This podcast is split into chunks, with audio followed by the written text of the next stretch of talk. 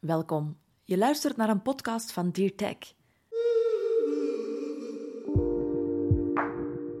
Wij geloven dat technologie, als we het goed aanpakken, ons meer mens dan ooit kan maken en de belofte van een utopie op aarde in zich draagt.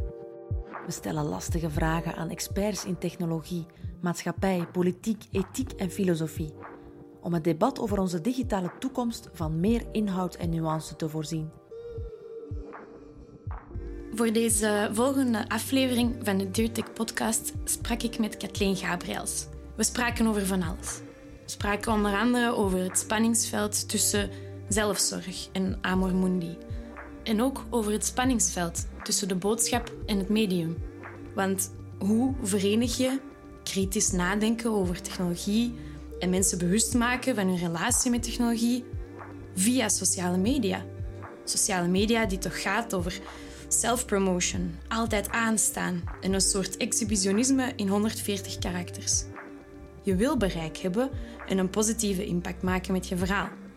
Ook spraken we over de verstrengeling van financiële logica met technologie, met kunst, onderwijs en media en het belang van onderwijs voor het ethische denken op de kaart te zetten. Telkens opnieuw het belang van educatie, educatie, educatie. Dat heb ik zeker meegenomen uit mijn gesprek met Kathleen. En dit allemaal met thee en taartjes. Ergens tussen haar reizen van Polen, Japan, de VUB, Eindhoven en Maastricht. Ook dat is levenskunst en het goede leven.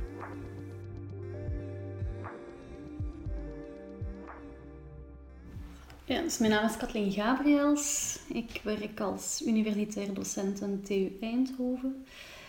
Ik ben vooral bezig met computerethiek in mijn onderzoek. Dus ik bestudeer ethische vraagstukken naar, of over hedendaagse technologie.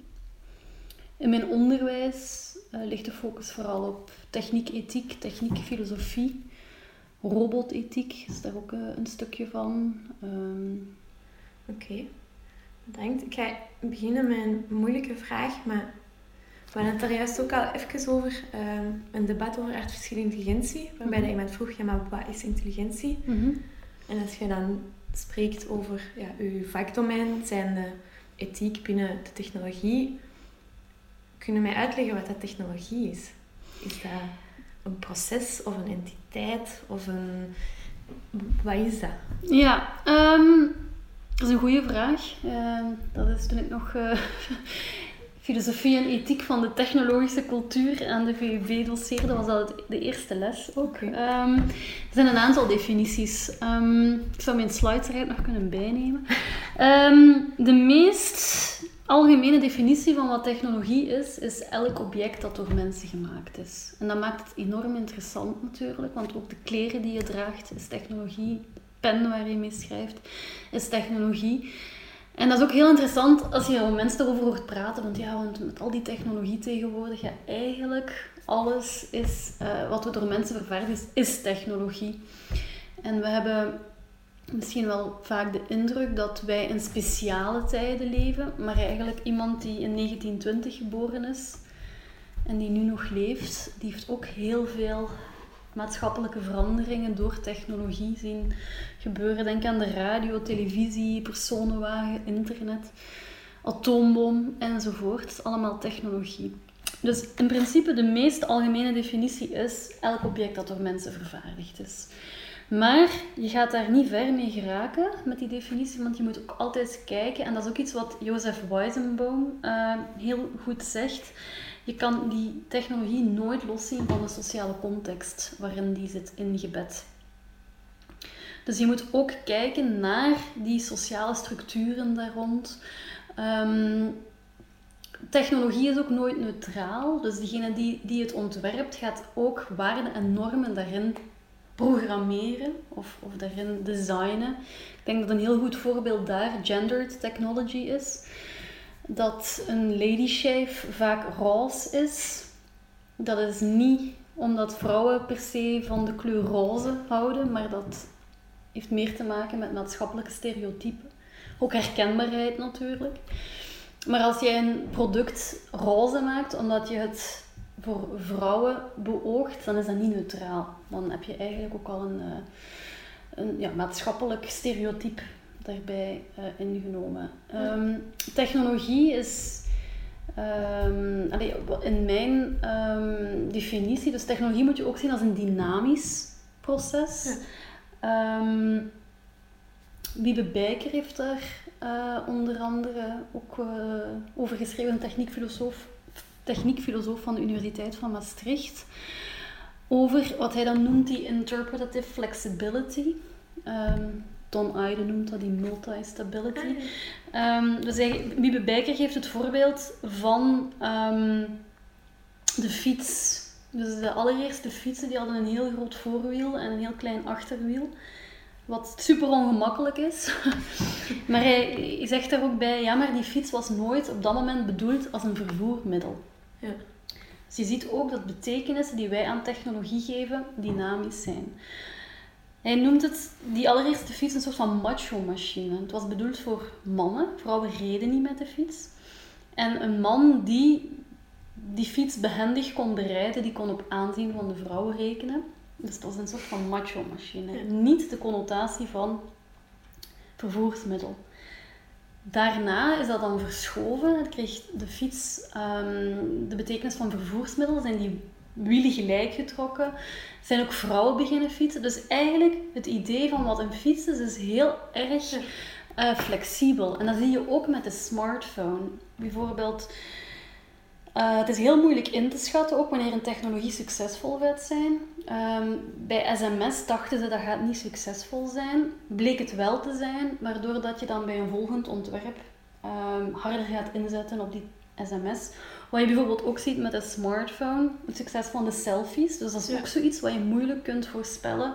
Waardoor dat die camera's, uh, dus ook daar weer die flexibiliteit, dat dynamisch proces, de camera van de smartphone kreeg op een bepaald moment een knop dat je ook heel makkelijk die camera kon draaien voor een selfie te maken. Dus dat is heel belangrijk uh, in die definitie van technologie, dat je die interpretatieve flexibiliteit ermee opneemt. En wat ook nog misschien tot slot belangrijk is, want het is geen exhaustieve definitie, dat idee van co-shaping. Ja. Dus um, het idee van technologie verandert ons en ik denk dat, um, of misschien eerst We Shape Technology, hè, dus wij ontwerpen die technologie, maar dan uh, ook het omgekeerde, hè, technology shapes us. Ik denk dat een heel goed voorbeeld daar de smartphone is. Hè. De eerste iPhone dateert van 2007, dus dat is 11 jaar. Dat is niks, zeker niet als je de 13,8 miljard oude geschiedenis van het universum daar tegenover zet. 11 jaar en we kunnen gewoon het leven niet meer voorstellen zonder die smartphone. Ik was dan vorige week in Japan dat congres, je moest je aanmelden eigenlijk met een app. Ja. Ik weigerde die app te downloaden, dus ik heb dat allemaal geprint. Dus je ziet gewoon dat bepaalde zaken niet meer mogelijk zijn met die smartphone. Of zonder die smartphone. Um, wij, of wij, dus die ontwikkelaars, hebben die smartphone uh, ontwikkeld, maar tegelijkertijd heeft die smartphone ook ons gedrag heel sterk beïnvloed, onze waarden en onze normen op, eigenlijk op minder dan 11 jaar tijd. Hè. Dus um, gedrag in de zin van dat het zeker onder jongeren meer en meer sociaal aanvaard is. Dat je elkaar negeert in je onmiddellijke nabijheid omdat je met je smartphone bezig bent, fubbing. Um, maar ook onze normen op het vlak van onmiddellijkheid, uh, sharing hangt natuurlijk ook heel sterk samen met die sociale netwerksites. Maar goed, door dat mobiel internet uh, zijn er ook een aantal waarden- en normverschuivingen. Dus dat die technologie niet neutraal is, ik denk dat dat super belangrijk is. Um, en dat die onze waarden, normen en ons gedrag heel sterk beïnvloeden, um, dat is echt wel heel belangrijk. En ik denk dat dat, dat, is, dat, dat, is echt een van de kernboodschappen in mijn onderwijs, maar ook in mijn onderzoek. Um, het feit dat technologie niet neutraal is, is iets dat vrij algemeen aanvaard is tussen techniekfilosofen en techniekethici.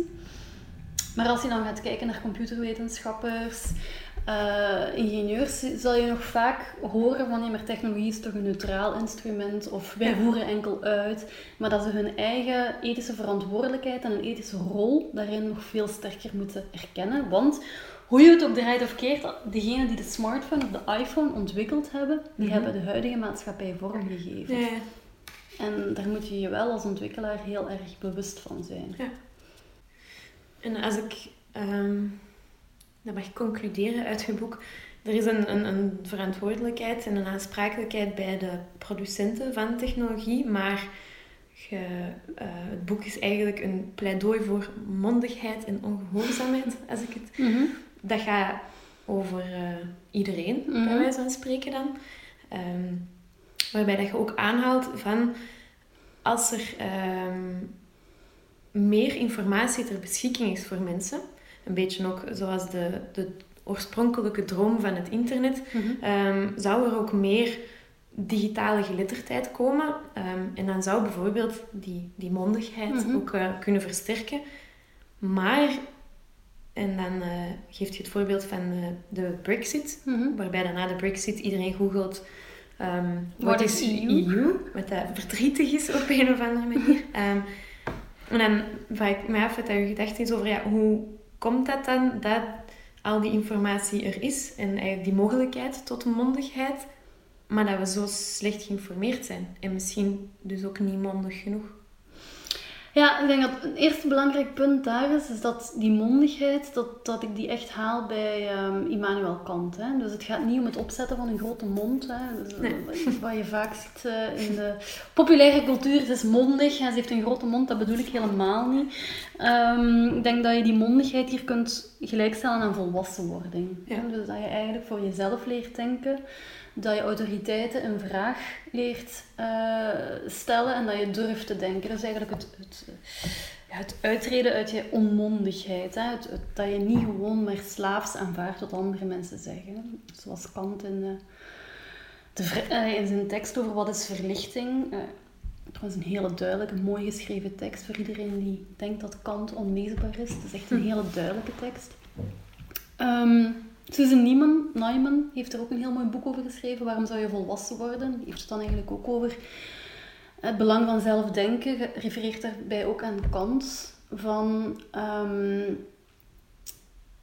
ja, die mondigheid moet gebaseerd zijn op een fundament.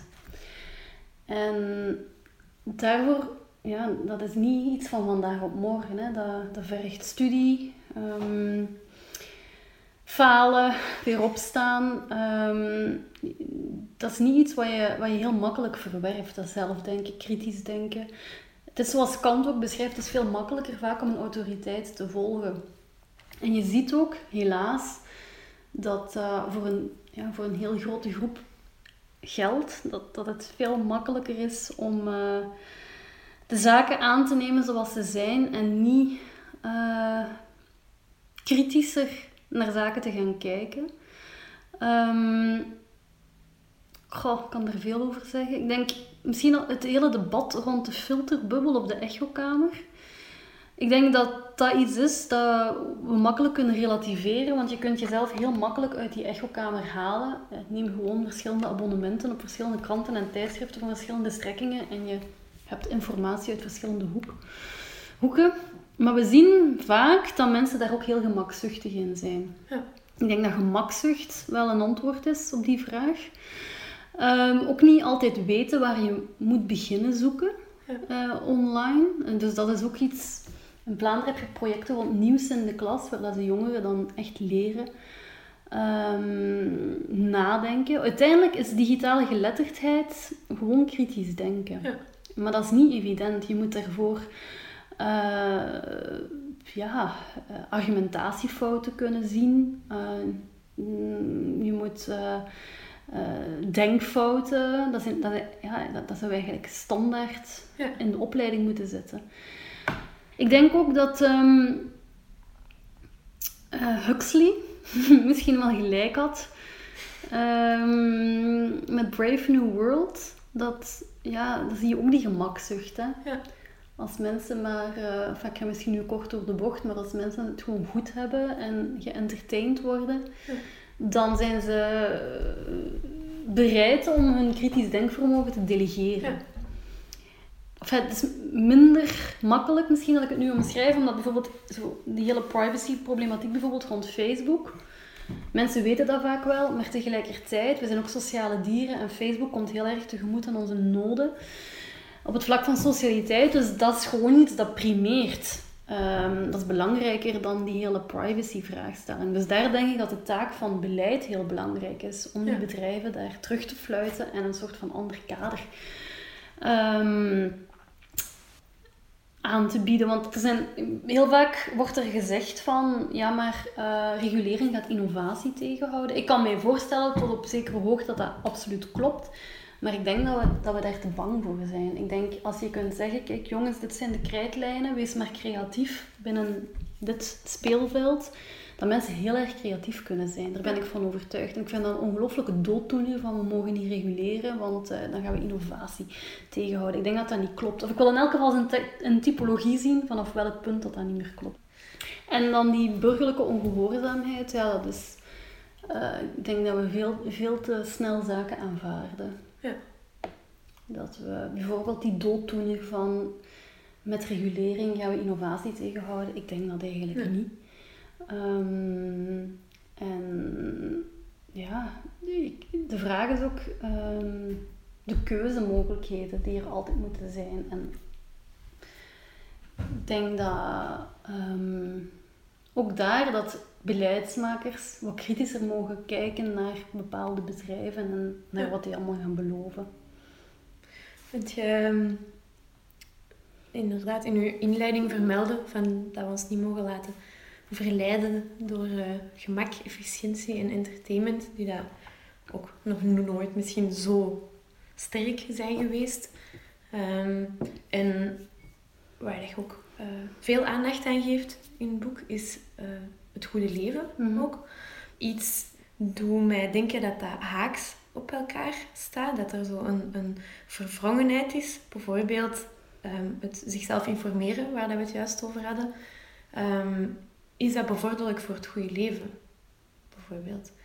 Of doen mensen dat graag? En mm ja, hoe is het goede leven, of het pad naar het goede leven, per se iets waar dat mensen zich wel gemakkelijk toe laten verleiden, of wel mogen toe laten verleiden. Het is natuurlijk de vraag wat je bedoelt met het goede leven, hè? Ja. Ehm, en wie dat die vraag dan moet stellen of beantwoorden.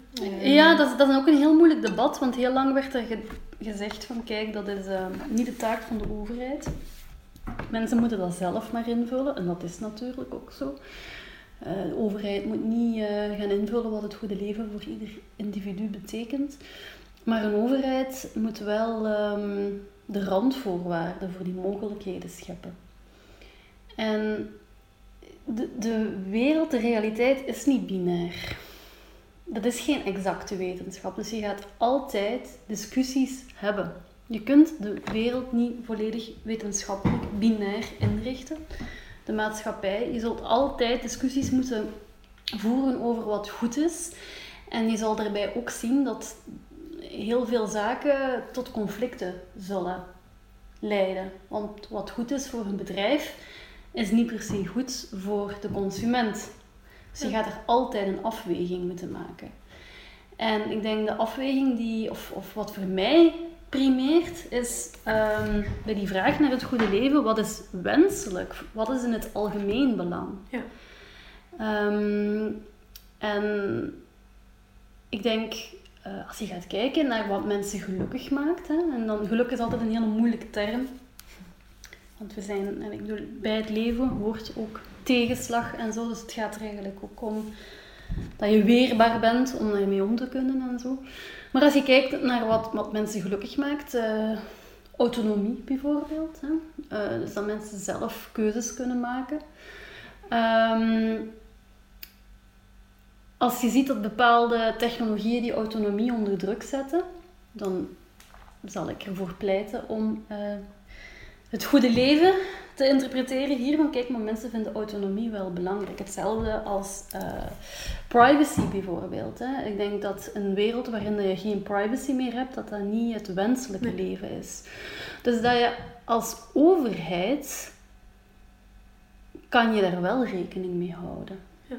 En moet je daar ook rekening mee houden. En we zijn trouwens voortdurend bezig met ethische debatten. Denk debat op over het voltooide leven, um, debatten rond uh, abortus enzovoort. Je ziet, de wereld is niet binair. Het is niet zwart-wit. Je gaat een discussie moeten voeren. Uh, op basis waarvan je een, een, beleidskeuze gaat maken. En bijvoorbeeld in, in België en ook in Nederland zie je dat autonomie en, en, en uh, persoonlijke vrijheid heel hoog geacht wordt. En dat zijn ook voor mij, of ik zie dat ook als randvoorwaarden scheppen voor het goede leven. Omdat je mensen individueel keuzes geeft. Ja. Ehm, en ik denk dat je dat soort van vraagstellingen ook zeker op die technologie kunt uh, toepassen. Maar als jij, ik ga nu ook kort door de bocht, maar als je alleen ehm, keuzes maakt die goed zijn voor de bedrijfskas en niet per se voor een, uh, een bevolking, dan ben je ja, sowieso niet wenselijk bezig. Het heeft natuurlijk ook te maken ook met, met informatie en zo. Hè. Ik denk dat, je, dat een, een beleidsmaker moet zich ook goed informeren en moet ook opgeleid zijn om die keuzes te maken. Ja. dat is niet zo evident.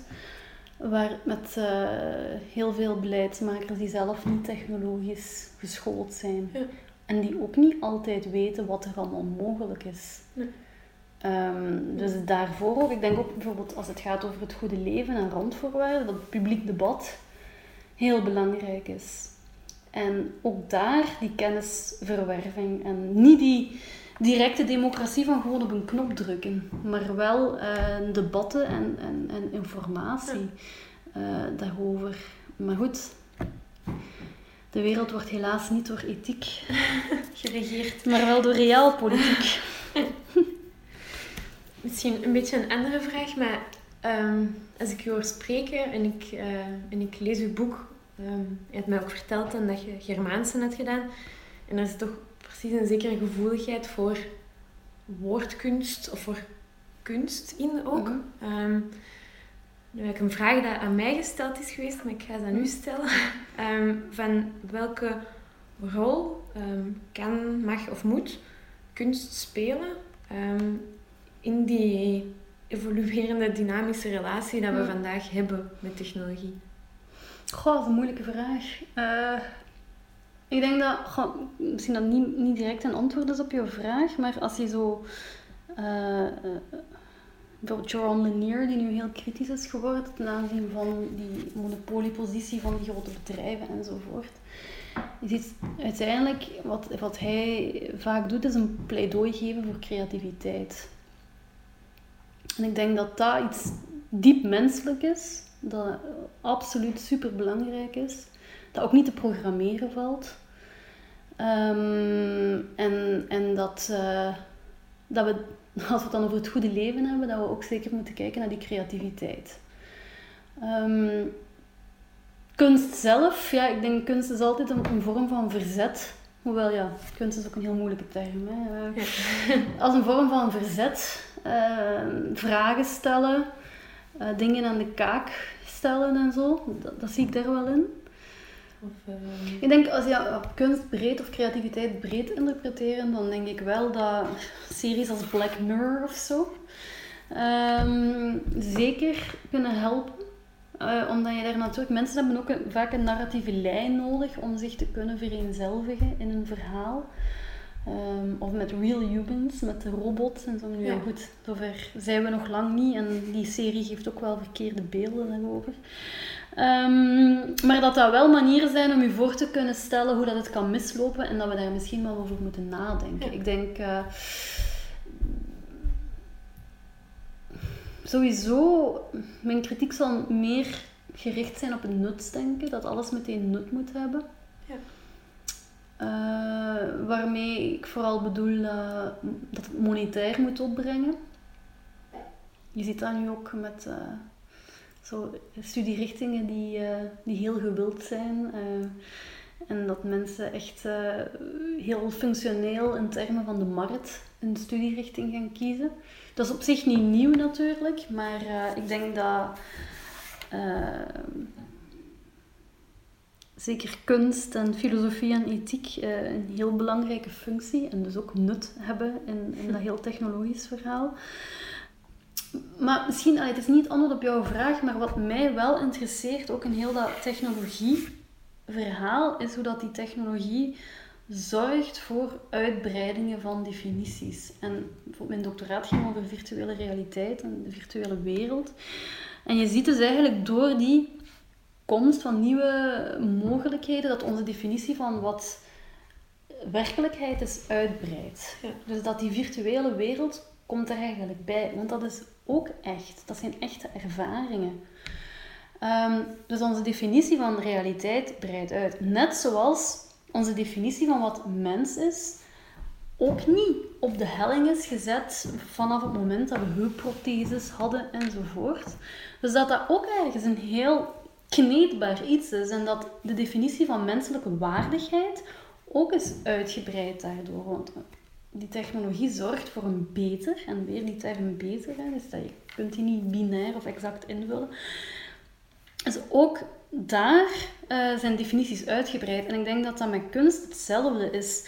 Um, een heel interessant debat vind ik um, rond de Next Rembrandt. Ik weet niet of je dat meegekregen.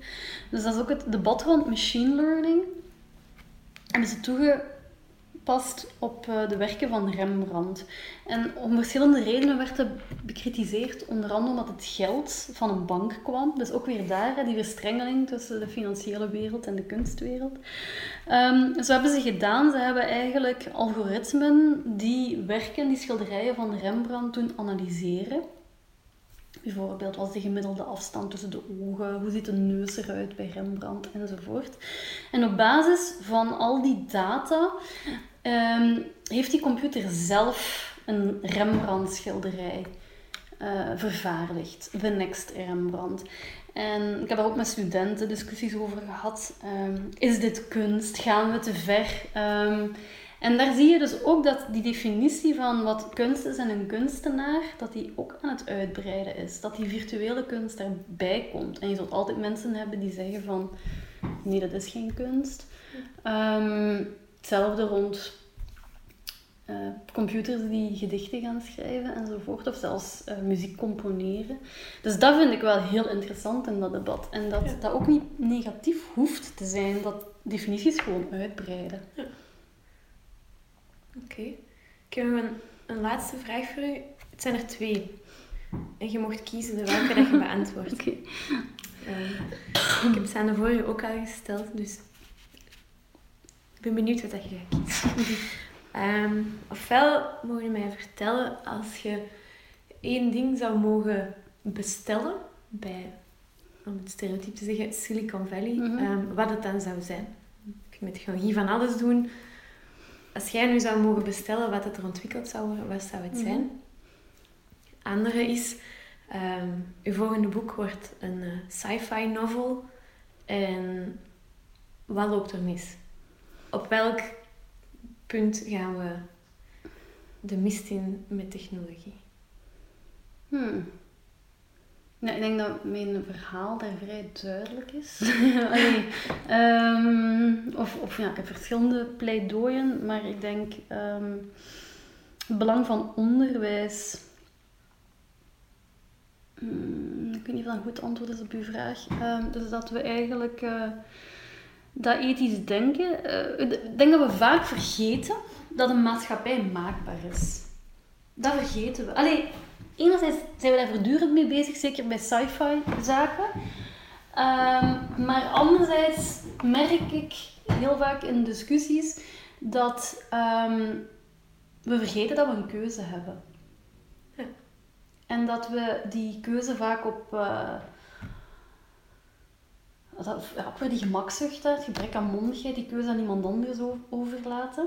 Maar als je gewoon gaat kijken naar verschillen tussen um, maatschappij. ik was nu in Japan en als je ziet hoe respectvol en dankbaar dat mensen daar zijn en nog, misschien overdrijf ik nu, maar ook met ja, verantwoordelijkheid opnemen en zo. Dus zeker als er daar uh, iets misloopt, dan zal je toch vaker publieke excuses en zo zien. Dus je ziet dat dat toch ergens cultureel gebonden is.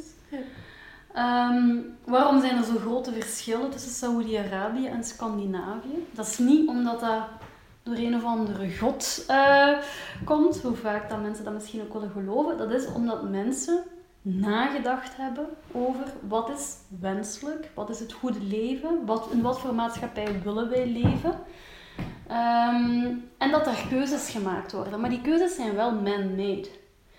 Ehm, dus de maatschappij is echt wel maakbaar, niet ultiem. Um, niet op het vlak van robots die er nog lang niet zijn, daar waar dat mensen bang voor zijn. Um, maar de maatschappij is echt wel maakbaar. En ik denk dat mensen vergeten dat ze daar ook wel een keuze in hebben. En dat ze daar ook een stem in hebben. En dat uh, uiteraard is niet evident om uh, u te verzetten tegen één bedrijf, maar je kunt je wel verenigen of je kunt wel, zeker ook vanuit een beleid, heb je wel de macht om keuzes te maken. En dan komt mijn pleidooi uiteraard weer bij dat onderwijs van oké, maar ethisch denken is ook iets wat je kunt aanleren. Dat is ook oké, niet ultiem, maar het is wel maakbaar. Waarom zijn er waarom zien we dan vooruitgang anders? We zien vooruitgang op heel veel vlakken. We zien ook heel veel verschillen tussen landen. Je ziet landen waar dat wordt ingezet op bepaalde zaken en landen waar dat niet zo is. Zeker als het gaat over vrouwen. Maar je hebt daar wel een, um, een mogelijkheid en als het dan gaat over onderwijs, dus dan ben ik weer daar met mijn heel pleidooi voor ethiek, ethiek voor ingenieurs, uh, ethiek voor uh, computerwetenschappers, dat dat eigenlijk een, als een evidente vraagstelling moet zijn. Ik ga niet zeggen dat we alle problemen ermee kunnen oplossen. Zeker niet als mensen andere belangen hebben, zoals financiële belangen. Maar in mijn ideale wereld hebben alle mensen die in Silicon Valley werken op zijn minst een goede scholing, ethiek, kritisch denken enzovoort gehad. Um, houden ze rekening met de gevolgen van hun ontwikkeling? Hebben ze door dat die deel uitmaken van de maatschappij? En ik denk dat dat, dat is allemaal niet zo moeilijk. Dat zijn gewoon keuzes die je moet maken. Maar je moet het wel willen. Het is ook helemaal niet duur. Volgens mij zijn dat echt geen moeilijke dingen. Dat is helemaal niet zo duur.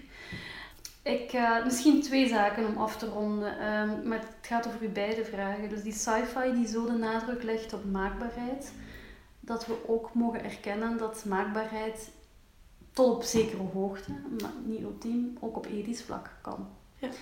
En dan ten tweede, um, die Silicon Valley vraag dat die Silicon Valley werknemers dus een goede cursus, nee geen cursus, meerdere uh, cursussen en opleidingen ethiek. En ik denk dat dat, en daar ben ik altijd enorm dankbaar voor, um, dat ik in zo'n werkcontext zit. Dus als ik naar een congres ga, komen we meestal samen. Dus wiskundigen, uh, computerwetenschappers, ethische filosofen zitten allemaal samen. Ja. En dat zou het uh, dus ook die barrières tussen die exacte wetenschappen en humane wetenschappen doorbreken om die discussies eigenlijk ten gronde samen te voeren. En ik denk dat we daar heel, uh, heel veel uit kunnen leren. Het probleem is natuurlijk, het middelbaar onderwijs is er ten eerste al niet op aangepast. Dus je moet er eigenlijk uh, ja, een aantal barrières doorbreken, al op middelbaar niveau en zeker op universitair niveau. Het zijn niet alleen de exacte wetenschappen die ethiek moeten krijgen, ik denk ook omgekeerd dat waarom zou iemand uit de humane wetenschappen geen computerwetenschappen ook kunnen krijgen als vak? Iets dat zo'n impact heeft op de maatschappij, daar moet je eigenlijk um, meer over weten. En je ziet ook hè, bijvoorbeeld een Tony Fadel die spijt heeft van ontwikkelingen, of een Joseph Beuyssenbaum die dan eigenlijk ook als wiskundige ja. over die sociale vraagstukken spreekt, dat het mogelijk is. Dus dat we ook daar eigenlijk moeten kijken naar hoe kunnen we die mensen samenbrengen. En uiteindelijk, ja, het gaat over de vraag van wat, wat, is een, wat is een goede maatschappij en wat is maakbaar en zo. Maar uiteindelijk moet het daar ook wel over gaan op een UNIF, denk ik, hoop ik. Het gaat ook niet alleen om het ontwikkelen van technologie, ja. maar ook om die sociale inbedding. Ja. Oké. Dat was zeker een antwoord op allebei mijn vragen. Oké. Goed gekozen. Dank u wel.